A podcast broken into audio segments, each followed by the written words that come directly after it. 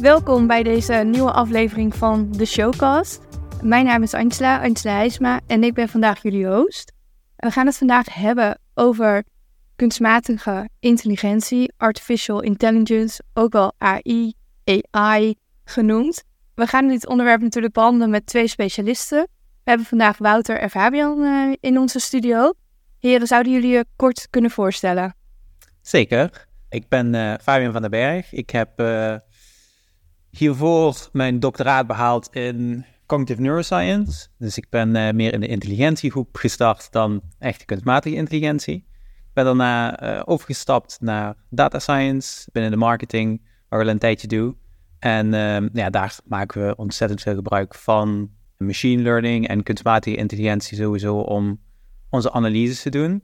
En dan uh, ja, sinds iets meer dan een jaar dat het hele generative AI een beetje opkwam. Daarvoor was het natuurlijk al een beetje daar met, het, het, was, het was niet op een bruikbaar niveau, er kwamen rare dingen uit.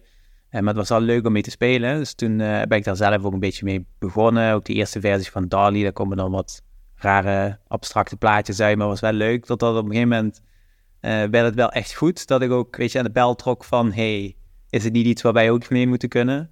En uh, vanuit daar is het balletje beginnen te rollen. En ja, nu zijn we hier. Uh, iedereen die wel eens gebruik maakt van ChatGPT. En er worden plaatjes gegenereerd. De mooiste kunst wordt ermee gemaakt. Dus uh, ik word er enthousiast van. Mijn naam is Wouter Tahij. Ik ben copywriter bij Studio M. Dus weer de creatieve afdeling van Groep M. Ik ben er via de hele andere kant ingerold. Ja, als copywriter zag je natuurlijk ChatGPT aankomen. En toen dacht je, help, daar gaat mijn baan. En toen dacht ik, ja, misschien moet ik me dan toch eens gaan verdiepen in deze hele technologie. Wat betekent het? Wat kan het? Wat kan het ook vooral niet? Waar kan ik nog steeds uh, toegevoegde waarde hebben?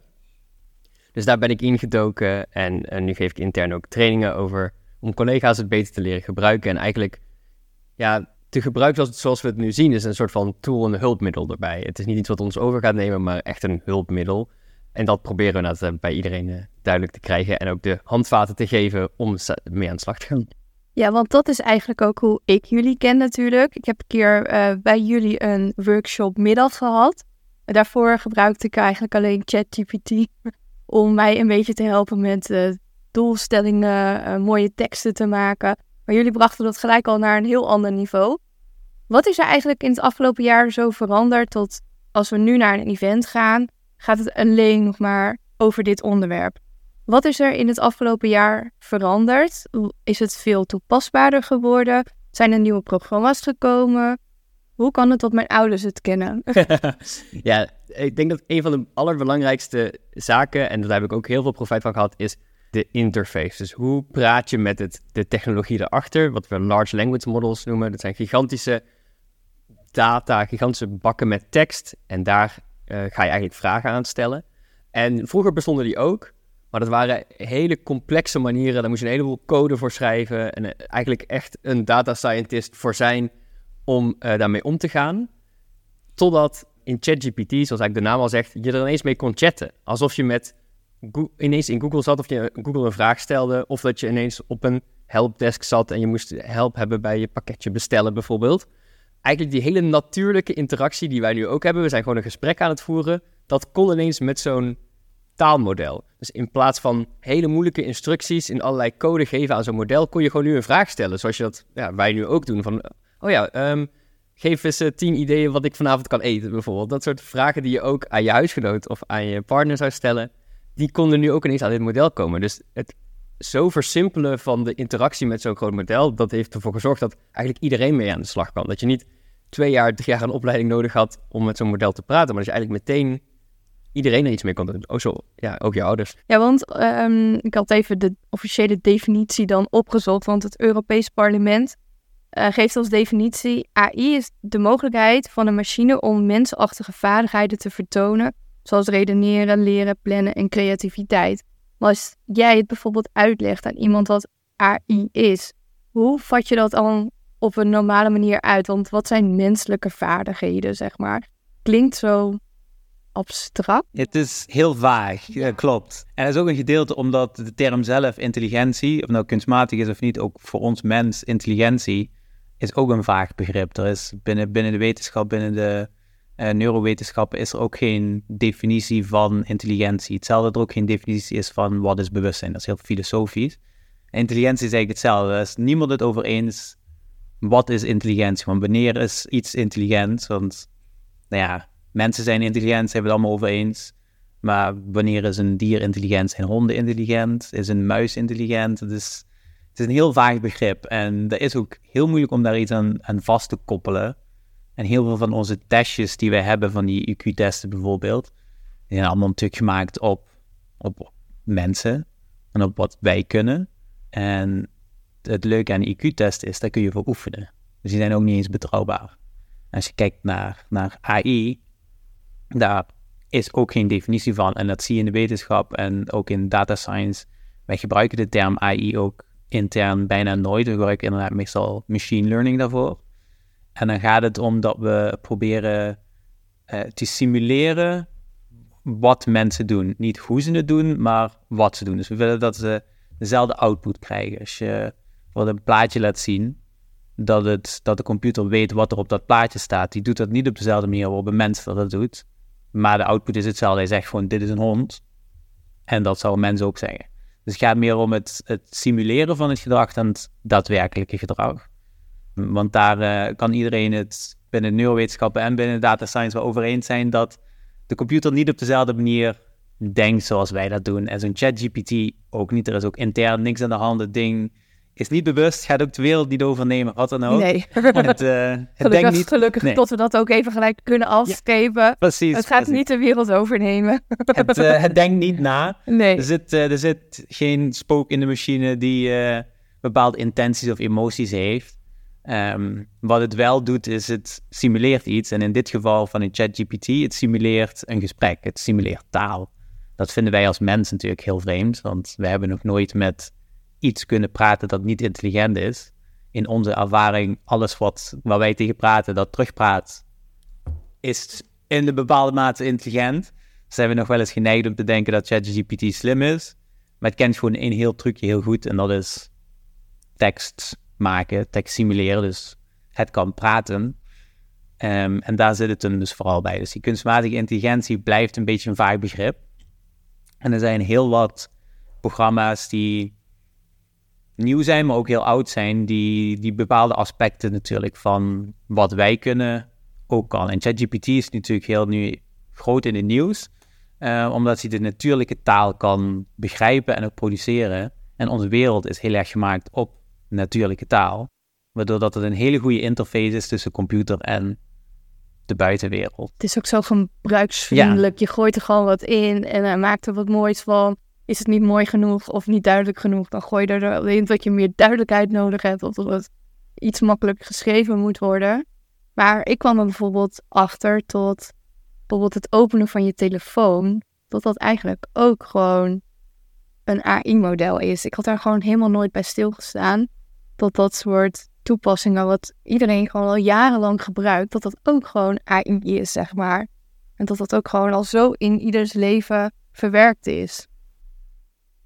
Ja, als je hem uh, heel plat slaat, kun je uh, zelfs een, een programma, een computer die een beslissing maakt, kun je al AI noemen. En dan heb je al heel makkelijk een programma gemaakt dat zegt van als dit, dan dat. Dan ben je klaar.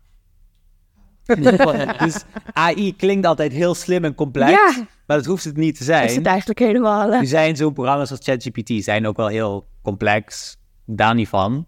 Uh, maar de term AI zelf, dat is heel flexibel. Dus inderdaad, jouw telefoon, daar zit een scanner in die weet hoe jouw gezicht ongeveer eruit ziet. En die maakt een beslissing van, dit is de juiste persoon of niet. Als dit de juiste persoon is, toegang. Dan open. Ja, top, top, top.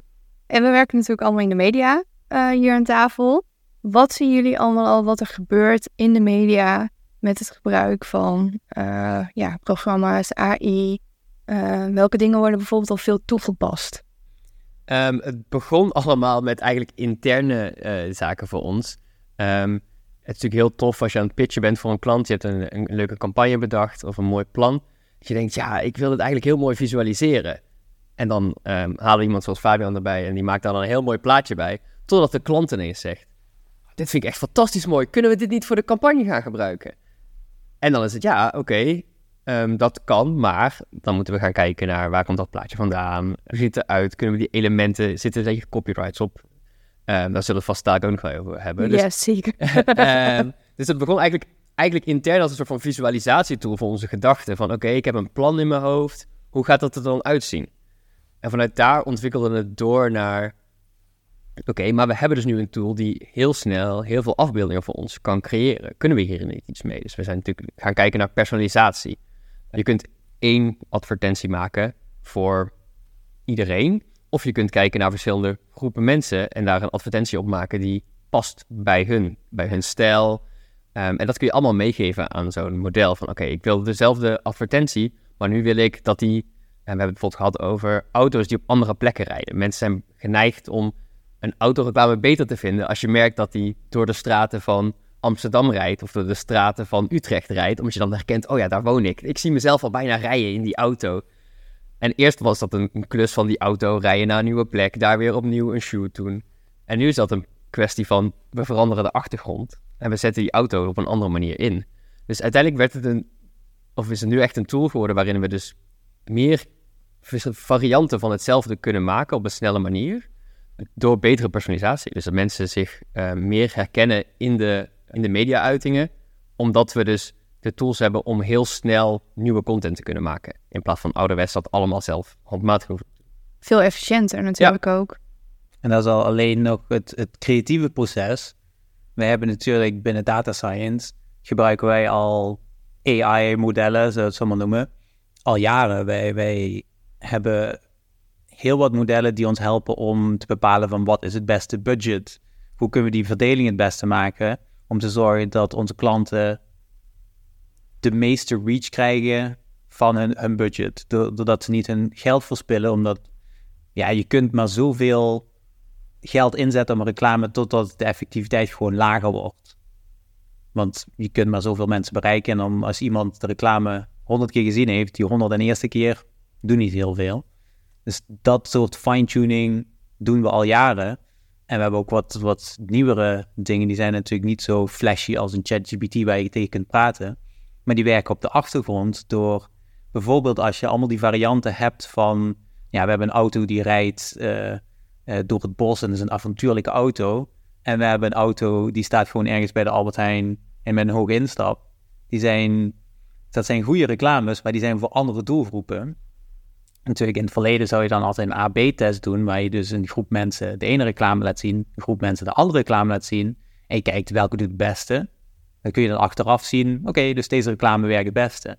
En we kunnen dat nu ook gewoon in real time doen met vijf, zes, zeven verschillende varianten die allemaal mix en match doen van elementen van welk automodel bijvoorbeeld, met welke achtergrond, met welke tekst erbij. En dan kijkt van, oké, deze doelgroep klikt dus het meeste op deze combinatie. En zo weet dat model dan aan de achterkant, oké, dan moet deze doelgroep dus meer deze combinatie laten zien. En zo beslist hij zelf wat de beste ad is voor die doelgroep. En dat zijn modellen die werken op de achtergrond. Daar kun je niet tegen praten. Die zeggen ook niks terug. Die maken niks. Maar die maken wel een beslissing. Je maakt dat hele optimalisatieproces eigenlijk helemaal niet meer mee. Je ziet alleen aan de achterkant of aan het einde van een campagne.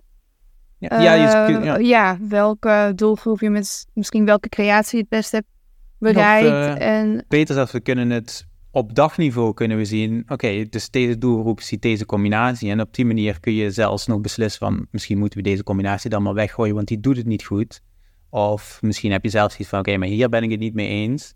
Want dat is wel belangrijk dat er altijd een persoon is die ja. Wel toezicht houdt op die beslissingen. Ja. Dus dat is altijd een balans die we moeten vinden tussen wat doet de mens, wat laten de machine doen. Ja, zeker. Ja, want je haakte natuurlijk net het stukje copyright al even aan. Zijn jullie daar al tegen bepaalde dingen aangelopen? Dat je met, ik zie een voorzichtig nou, knikje. Ja, copyright, we hadden het toevallig in de trein hier naartoe uh, over. Um, copyright voor teksten is natuurlijk best een, een lastig ding. Zoals een wijs man ooit zei, als je eenmaal een woordenboek gelezen hebt, is de rest van alle boeken maar een remix. Ehm, er, zijn, Oh, ja. er is maar een beperkt aantal woorden in de wereld en die op een bepaalde manier schudden, daar komt natuurlijk een, een bepaalde zin uit. Dus zinnen zijn nooit zo lastig. Het, het punt is nu wel waar de tools zelf heel veel problemen mee hebben, is mag het wel wat ze gedaan hebben. Copyright is natuurlijk heel erg gespecificeerd als in je mag niet letterlijk iets kopiëren wat iemand anders geschreven heeft. Maar technisch gezien hebben bedrijven zoals OpenAI die ChatGPT gemaakt hebben, technisch gezien hebben ze niks gekopieerd. Ze hebben alleen de eindeloze teksten op het internet gebruikt om hun model op te trainen. En zo, zo'n model trainen, dat is nog niet helemaal iets wat helemaal niet vastgelegd is bij wet of je daar nou andermans teksten, of je daar een copyright op moet hebben. Dus er loopt bijvoorbeeld nu een zaak van de New York Times. Die zeggen, ja, leuk, we hebben al die artikelen van de New York Times geschreven. Die hebben jullie gebruikt voor jullie model trainen. Daar willen wij geld voor zien, want jullie hebben onze teksten gebruikt. Ja, En OpenAI zegt, ja, we hebben het niet gebruikt. Ja, het zit in een model gebruikt, maar we hebben niets gekopieerd. We hebben het niet het zijn, gewoon, gepubliceerd. het zijn gewoon dezelfde woorden, alleen... Ja. ja. Dus, en je- ook, we kregen wel eens de vraag van, kan het zijn dat als ik iets in ChatGPT typ, dat ik dan een artikel terugkrijg wat letterlijk al op het internet staat? Technisch gezien wel, maar die kans is zo ontzettend klein, ja, dat gaat bijna niet voorkomen. Dus je kunt, ze kunnen ook nooit zeggen, nee, maar zie je, je hebt ons tekst gekopieerd, want wat er uitkomt is, is nieuw, is iets eh, anders. Dus hoe gaan bedrijven hiermee om van, ook een stukje ethiek, mag je zomaar andermans teksten gebruiken om zo'n model te maken? En dat kan je natuurlijk ook verder trekken naar het meer visuele stuk waarin als je iemands stijl namaakt, is, is een stijl copyright. Als je bijvoorbeeld zegt, oh, ik wil een bepaalde campagne, daar we het over dat ik wil een portret in de stijl van Vincent van Gogh bijvoorbeeld. Ja, is dat dan is dat de copyright? Stel je maakt een auto in de stijl van Vincent van Gogh. Nou ja, toen waren er nog geen auto's, dat had hij nooit zelf kunnen schilderen. Het is iets compleet nieuws, maar iedereen herkent het wel als zijn stijl. Is dat iets wat copyrightable is, om het zo maar te zeggen? Eh, hebben we, moeten we daarmee oppassen? Moeten we altijd compleet nieuwe dingen maken?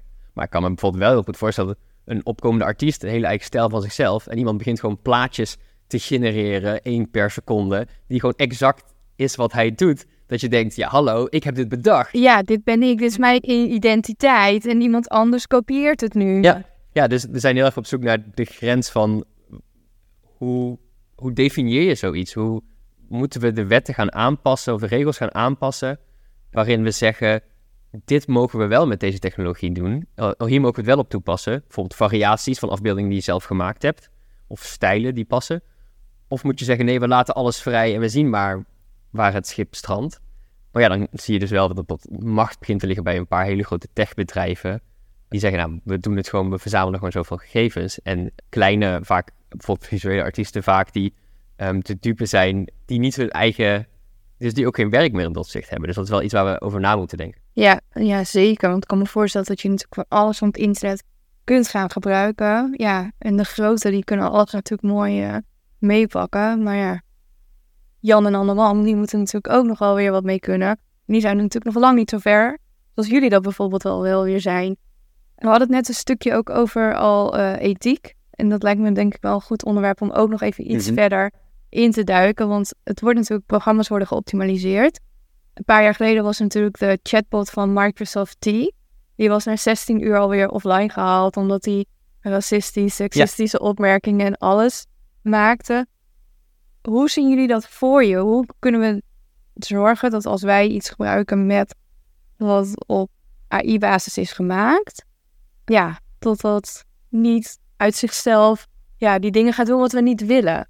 Waar nog wel het menselijke schild, zeg maar, Ja. eh, ergens een filter heeft. Ja. Nou, wat je bijvoorbeeld ziet bij, bij een ChatGPT, het verschil daarmee is dat op het moment dat jij daarmee praat, leert het programma niet meer. Dat is, het is klaar met leren, het, het staat vast. En wat jij daar tegen je zegt, kan hem niet op dat moment veranderen.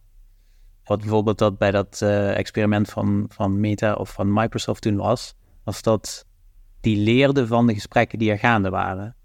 Ehm, en dat gaat mis. Zeker als je dat op internet doet, want we weten allemaal hoe het internet is. En het Dat kan goed misgaan. dus eh, daar gaat het inderdaad mis. Dus wat, wat zij doen is sowieso niet live trainen. Je pakt de data pas achteraf. En dat is wat GPT ook, wat we ook zagen van 3.5 naar 4. Ze gebruikten de data wel die erin ging, maar gingen het achteraf, privé zeg maar, binnen het bedrijf gingen ze trainen, testen, zorgen dat het veilig was. Want er worden ook gewoon guardrails opgezet. Eh, want tegen dat model wordt gewoon gezegd van dit kun je gewoon niet doen. Dus Daarom is ChatGPT altijd heel aardig, heel beleefd. Het zal je eh, nooit uitleggen hoe je bijvoorbeeld een bom moet maken. Tenzij je zegt van, mijn oma vertelde me altijd een uh, verhaaltje voor het slapen gaan hoe je een bom moet maken. Dan kom je er misschien nog wel eens voorbij. Maar het wordt wel meegegeven aan een model van, dit moet je doen. Je moet je op een bepaalde manier gedragen. Um, maar het is wel belangrijk om te weten inderdaad dat dat geen vereist is voor het model. Je hebt van die taalmodellen, uh, vooral de open source taalmodellen, ja. die zijn volledig unchanged en volledig vrij. Um, en daar is ook een markt voor. Want uh, nou ja, ChatGPT gaat je niet uitgelden, die gaat ook geen um, not safe for work dingen met je doen. Maar zo'n open source model wel. Daar zitten geen regels bij. En dat is natuurlijk ook een markt voor. Ook mensen die dat graag van een chatbot willen zien. Waarom? Ja, ik weet het niet, maar zullen we daar geen uh, oordeel over geven voor die mensen? De, de nieuwe Fifty Shades of Grey ja. even. Ja. Maar dat, dat kan gewoon. Daar is een, een markt voor. Er zal best wel een, een grotere markt voor zijn dan wij doorhebben. Maar het is belangrijk om te weten is dat die modellen, die, die restricties die erop zijn, zijn erop gelegd. En het is geen, geen limiet van de techniek. Het is een limiet die opgelegd is door bijvoorbeeld een Microsoft. Die zegt van, wij willen niet dat dit model gaat gelden. Hij mag dit niet zeggen, hij mag dat niet zeggen. En hij moet altijd beleefd en altijd aardig zijn. Ja, en zijn daar nu Europese regels al voor tot dat soort dingen? Of überhaupt regels in andere landen voor? Want ik kan me voorstellen als er een paar slimme koppen een nieuw model bedenken... wat wel dingen kan uitleggen, wat, eh, wat je misschien niet wil weten, zeg maar. Wat de normale mens niet wil weten. Is er ergens een veiligheidssysteem of dat nieuwe modellen worden gecheckt uh, voordat ze live gaan? Of... Nog niet. Nog niet, nee, oké. Het, is echt een, een grote ja, uitdaging van de markt ook. Pas dat een paar grote, grootheden in vanuit Microsoft, OpenAI, uh, Meta ook echt opgeroepen hebben. Moeten we niet zes maanden stoppen met alle ontwikkelingen op dit gebied, puur om wat, wat grondregels voor onszelf te stellen. Want iedereen wil natuurlijk bovenop elkaar en iedereen wil het allerbeste model en iedereen gaat verder en verder. Totdat we op een gegeven moment onszelf moeten afvragen, hadden we dat wel moeten doen? Um, dus het, het, model, zoals Fabian zei, kan alles. En er zijn heel veel bedrijven bezig met ervoor zorgen dat het niet alles kan. Een soort van veiligheidsschild eromheen maken. En dat doen ze vooral ook voor publieke opinie. Want als jouw model ineens begint te schelden of wat dan ook, dan word je daar ook niet populair van. Um, het voorbeeld was altijd heel leuk van Snapchat had zijn eigen chatbot. En dat was getraind op de gesprekken van Snapchat. En wat heel veel mensen op Snapchat doen, is met elkaar afspreken. Dus dat model begon binnen vijf minuten aan kinderen van 12 te vragen of ze wilden afspreken. Ja, dat kwam ze ook niet op goede PR te staan. Dus zo, ze proberen naar zo'n model in een veilige situatie te krijgen. Maar wat is veilig en wat is goed? Wat zouden we wel moeten toelaten en wat moeten we niet toelaten? Daar zijn nog geen Europese of onafhankelijke regels, moeten we zeggen. Dat zijn de bedrijven zelf die het nu reguleren. Maar er zijn nog niet van bovenaf, oké, jouw chatbot mag absoluut niet dit doen of mag absoluut niet dit doen. Want je weet ook niet wat mensen ermee gaan doen. Zo'n model is gewoon maar een model. Zoals Fabian zei, als iemand daar tegen, niet tegen praat, gebeurt er ook niks interns. Het is, je kunt daar alles aan vragen. En het is de vraagsteller die bepaalde informatie uit zo'n model trekt. Het is niet per se het model wat inherent van zichzelf slecht is. Alleen zo'n zo'n veiligheidsschild kan er wel voor zorgen om de gebruiker te beschermen tegen wat het model in principe kan. dat zie je met heel veel technologie. Heel veel technologie is niet per se slecht op zichzelf, maar kan wel ingezet worden voor slechte doeleinden. En het is dan aan de bedrijven of dus inderdaad een instantie als de Europese Unie om te zorgen dat er regels komen dat mensen tegen zichzelf en tegen anderen worden beschermd. Ja, en dus op dit moment hetgene dat ja, ons beschermt of de wereld beschermt, of hoe je het dan ook wil noemen, heel gevaarlijk is ChatGPT op zichzelf natuurlijk niet. Maar de bescherming ligt dus vooral bij PR en de beurskoers. Want dat is wat deze grote bedrijven ertoe zet om te zorgen dat een ChatGPT aardig is. En dat ervoor zorgt dat de plaatjes die gegenereerd worden er ook fatsoenlijk uitzien. Ja. Dat heeft niets te maken met dat, dat die bedrijven gewoon goed willen zijn en uh, vanuit een ethisch aspect iets hebben van we willen de wereld iets goeds geven. Het wordt gewoon vooral gedreven door het feit dat zij natuurlijk ook willen bestaan als bedrijf en winst willen maken. En uiteindelijk hoop ik ook dat daar natuurlijk vanwege, uh, ja, op, op EU-niveau of op wereldniveau, wat dan ook, dat daar regels voorkomen. Maar helaas in de politiek gaat dat nog wel eens wat langzamer dan dat zou moeten zijn, waar dat dan ligt. Ja, er zijn natuurlijk heel veel partijen die daarbij zitten en Ik weet niet of het kennisniveau, hoe dat zit binnen de mensen die die beslissing moeten maken. Maar dat uh, zal nog wel eventjes duren. En tot die tijd zijn het toch de, de bedrijven en de gebruikers die ja, die verantwoording nog uh, moeten dragen. Ja, het gaat natuurlijk ook zo snel als je kijkt hoe snel het groeit. En uh, ik had iets gehoord op jullie event This Year Next Year over de, de snelheid van hoe snel Google groeide. Dus dat volgens mij en hoe snel een ChatGPT bijvoorbeeld of andere modellen nu groeien, dat dat gewoon ongelooflijk veel sneller gaat, zeg maar. Dus ze kunnen natuurlijk zo snel ook niet weer niet bijbenen. En hoe zit het met privacy? Want ja, daar hoor je natuurlijk ook veel over. Hoe kijken jullie daar tegenaan? Nou, het, het, privacy stuk zijn er natuurlijk als bedrijf ook mee bezig. Alles dat jij tegen ChatGPT zegt, of je, vooral als je een gratis account hebt, maar ook bij een bepaalde betaalde account, dat gaat naar OpenAI, naar het bedrijf, naar Microsoft toe. En die kunnen en mogen dat ook gebruiken om te trainen. Het is in het verleden al gebeurd dat mensen toegang kregen tot die privégesprekken van andere mensen die zij hadden met ChatGPT. Dat is gewoon een foutje wat op de achtergrond kwam. Ja, ja. Maar dat is ook al een schending van privacy. En er zijn ook wel verhalen geweest dat een Samsung bijvoorbeeld uh, de hele codebase van Android in GPT gooide. Het is hartstikke handig om te helpen met coderen. Maar dat is niet veilig, want je verstuurt het naar een derde partij toe. Er zijn ook wel oplossingen voor door het in een beschermde omgeving te zetten. Maar het is wel een stukje bewustwording.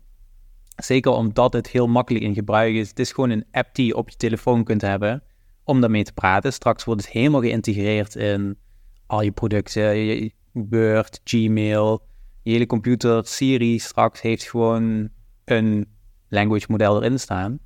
En die data wordt gewoon heen en weer verstuurd.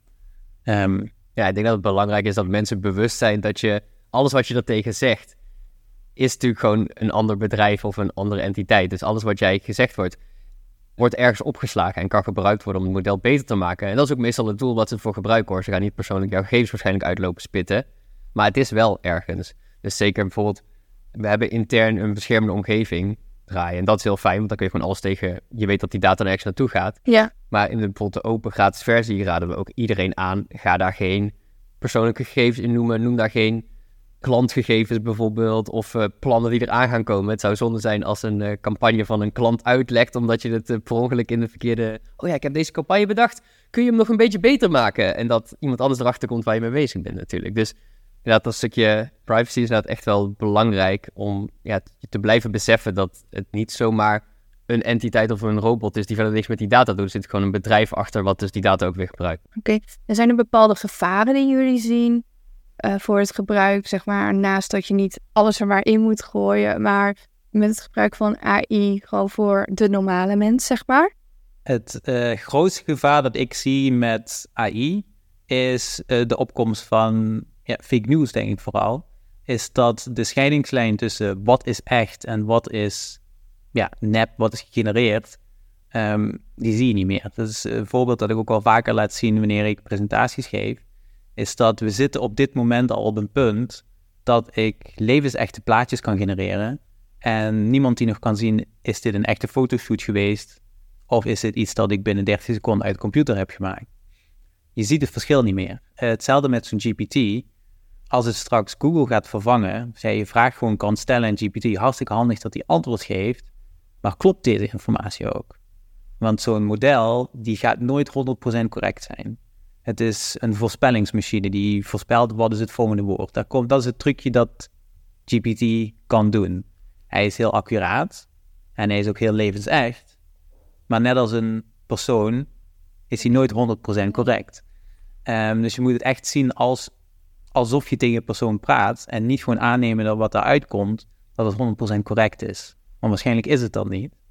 En nu zijn mensen van zichzelf we zijn een beetje lui. Dat is ook iets dat ons brein graag wil zijn, want we willen zo min mogelijk energie verbruiken. Maar het is wel een, iets dat, dat je in je achterhoofd moet houden van check die informatie. Ik hoop ook dat uiteindelijk we ook op het punt komen dat zo'n ChatGPT, wanneer die wat widespread wordt en ingebouwd wordt, dat we daar ook bronnen bij krijgen. Dat is natuurlijk ook een push die Google aan doen is.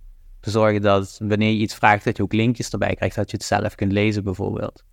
Maar daar zie ik vooral het grootste verhaal. Het gevaar zit ook niet in ook privacy want een Google weet al heel veel van jou. En wat jij tegen GPT zegt, gaat dat niet ontzettend veel verrijken. En het is ook niet zo dat een Google op jou gaat letten of zo. Dat is, we vinden onszelf altijd heel belangrijk, maar het valt wel, mee. Ik denk, uh, grote bedrijven die uh, maken het niet uit wat jij doet op je zondagavond.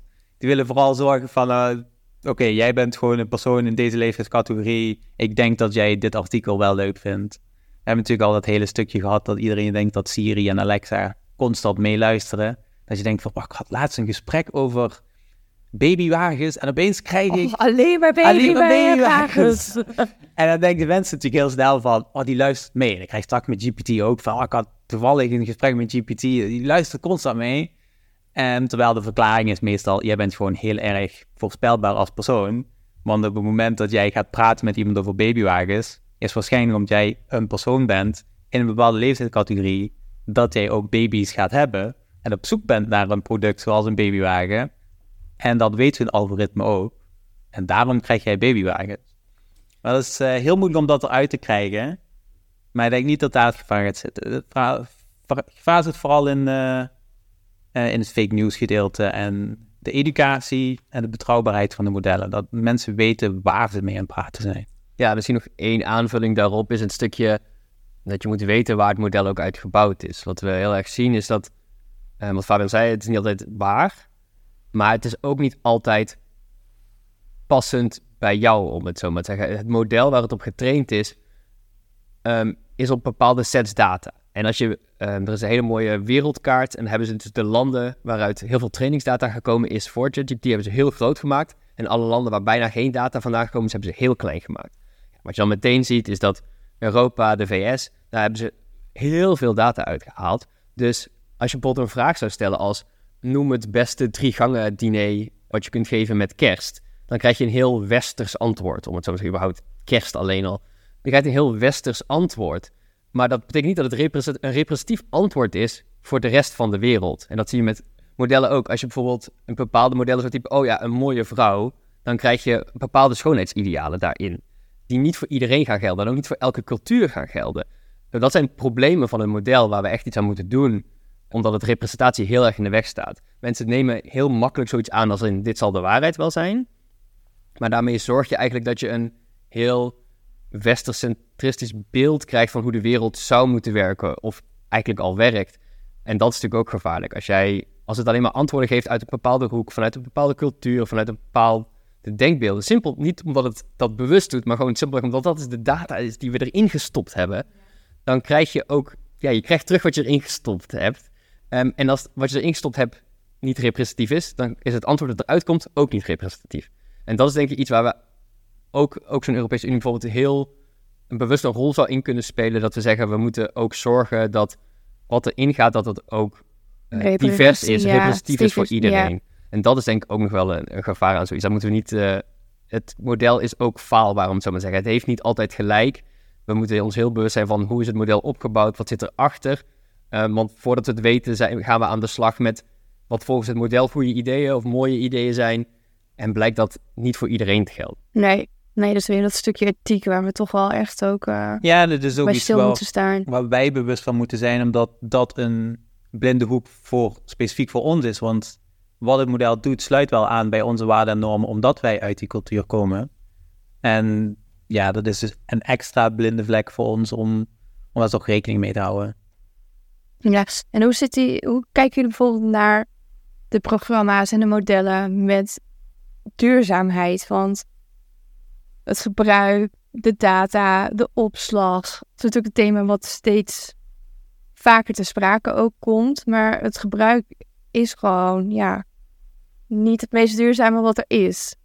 Zijn jullie daar ook intern bijvoorbeeld al wel mee bezig? Of kijken jullie daarna? Of... We zijn wel, ik heel schokkend vond dat in dit, dat het model, wat is 3.5, of hier weten we het helaas niet, van 3.5, kostte 500.000 ton CO2 om te trainen. Dat zijn echt aantallen waar je bang van. Dat kun je jarenlang steden mee laten draaien. Nou dat is heel bizar om dat te bedenken, hoeveel het zegt, heel veel energie daarin gaat. Um, er wordt wel geoptimaliseerd om het zo maar te zeggen. Dus er wordt geoptimaliseerd gekeken naar, oké, hoe kunnen we bepaalde vragen die niet heel complex zijn, kunnen we dat beantwoorden met een kleiner deel van het model bijvoorbeeld? Of zijn er bepaalde opdrachten die we op andere manieren kunnen laten uitvoeren dan helemaal door een model laten gaan?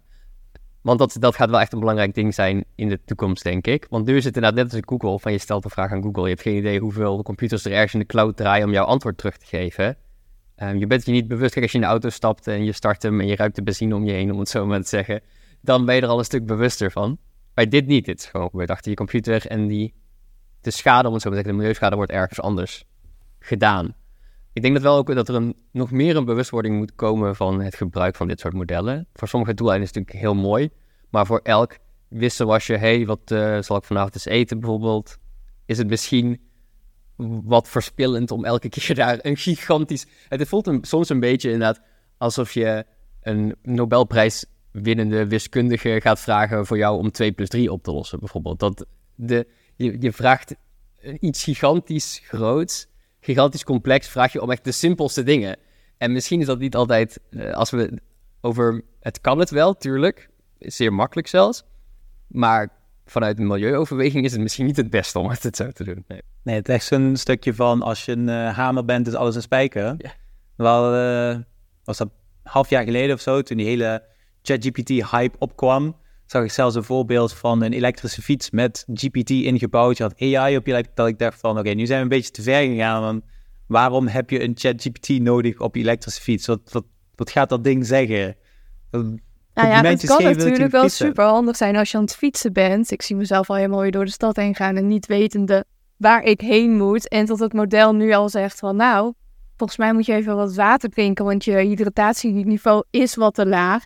Hier zit een goed uh, sapwinkeltje wat jij ook nog leuk vindt. Uh, nou, dat zie ik me dan wel weer voor me, maar dat gaat natuurlijk wel echt heel ver. Um, hoe zien jullie de toekomst met in mediagebied, maar misschien ook gewoon privé? Nou, ik ben, uh, ik ben altijd wel wat positief over de toekomst. Er zijn natuurlijk heel wat mensen die, die allemaal doembeelden bedenken. Maar ik probeer zelf altijd wat tech-positiever te zijn. Ik zie het heel erg voor wat het is. En het is een, een, een tool die wij kunnen gebruiken om ons werk efficiënt te maken. Ik zie het ook vooral met, met programmeren. Het, het helpt je enorm. Wouter ziet het ook in zijn werk, we zien het met, met creatief werk. Het, het maakt alles efficiënter. Um, er zullen banen zijn die gaan verdwijnen, want het, het kan heel wat dingen automatiseren. Maar het gaat vooral heel wat banen makkelijker maken. Ik zie het uh, vooral gebeuren dat, dat heel wat van de dingen die wij op ons dagelijks werk doen, waar we eigenlijk niet zoveel zin in hebben, het hele repetitieve werk, dat dat overgenomen kan worden door een AI-model. Er zijn al heel wat dingen die geautomatiseerd kunnen worden, ook voor AI, zonder AI. En dat we meer tijd krijgen om de dingen te doen die wij leuk vinden, waar wij voldoening uit krijgen. En dat ook vooral sneller en efficiënter werk kunnen leveren. En ook sneller bij oplossen. Dus misschien het probleem dat we nu hebben met zo'n CO2-uitstoot of energieproductie. Die mensen die op die problemen werken, die kunnen ook efficiënter, sneller en beter te werk gaan. Die hebben meer tijd om na te denken over hun problemen en oplossingen. Ze zijn minder tijd kwijt aan het versturen van e-mails of het kopiëren en plakken van data in Excel-sheets bijvoorbeeld, kan allemaal overgenomen worden. En dat geeft natuurlijk wel vrijheid, wat rust, want de meest efficiënte en effectieve mensen zijn mensen die uitgerust zijn natuurlijk. Mooi gezegd hoor. Ik denk dat het voor, voor media dat, dat we een hele grote slag personalisatie gaan zien. Dus in plaats van dat iedereen dezelfde campagne ziet, iedereen ziet dezelfde reclame, gaan we denk ik naar een tijd toe waarin iedereen een eigen reclame voorgeschoteld krijgt die perfect is voor hun. Omdat, simpelweg omdat het, de creatie van zo'n reclame kan gewoon heel snel gebeuren. Het analyseren vervolgens van, oh, werkte dit wel goed voor jou of niet goed? De volgende keer krijg je een net iets andere, die nog een klein beetje beter werkt. Ik denk dat dat vooral voor media, ik denk in het algemeen um, voor ons dat het, voor ons als mensheid, zal maar zeggen, het ook heel positief kan zijn in banen waarin we er eigenlijk te weinig van hebben. Denk bijvoorbeeld aan het, aan het onderwijs, waarin mensen, je 30 kinderen in een klas hebt zitten waarvan er bijvoorbeeld vier niet goed mee kunnen komen, maar ja, als docent daar gewoon echt geen tijd voor hebt. Er zijn, worden al hele goede tools gebouwd die kinderen eigenlijk stap voor stap mee kunnen nemen door een proces heen, als een soort ja, bijlesleraar. Een heel mooi artikel over inderdaad leveling the playing field. Dat inderdaad rijke ouders kunnen heel makkelijk bijles voor hun kind erbij kopen. Van, oh ja, we laten een student of wie dan ook bijles geven. Maar dat kan niet elke ouder. Maar met zo'n tool die beschikbaar wordt, kan iedereen eens, heeft iedereen eens wel toegang tot dat soort informatie. Dus ook op die manier kan het denk ik wel iets heel positiefs zijn. Als iedereen er meer mee leert werken, is ook iedereen meer gelijk. Ja. ja, en in de zorg zie je natuurlijk ook al steeds meer tot modellen daar worden gebruikt, waardoor het ook weer efficiënter wordt en Ja. mensen weer meer toegang hebben tot de zorg die ze daadwerkelijk nodig hebben. Ik wil ook nog even kijken naar bijvoorbeeld Meta kwam met de Ray-Ban-bril, die eigenlijk al over zes jaar gelanceerd wordt. Las ik ergens. Verwachten jullie dat we over tien jaar allemaal met een bril rondlopen en tot die een deel van ons leven en nadenken overneemt?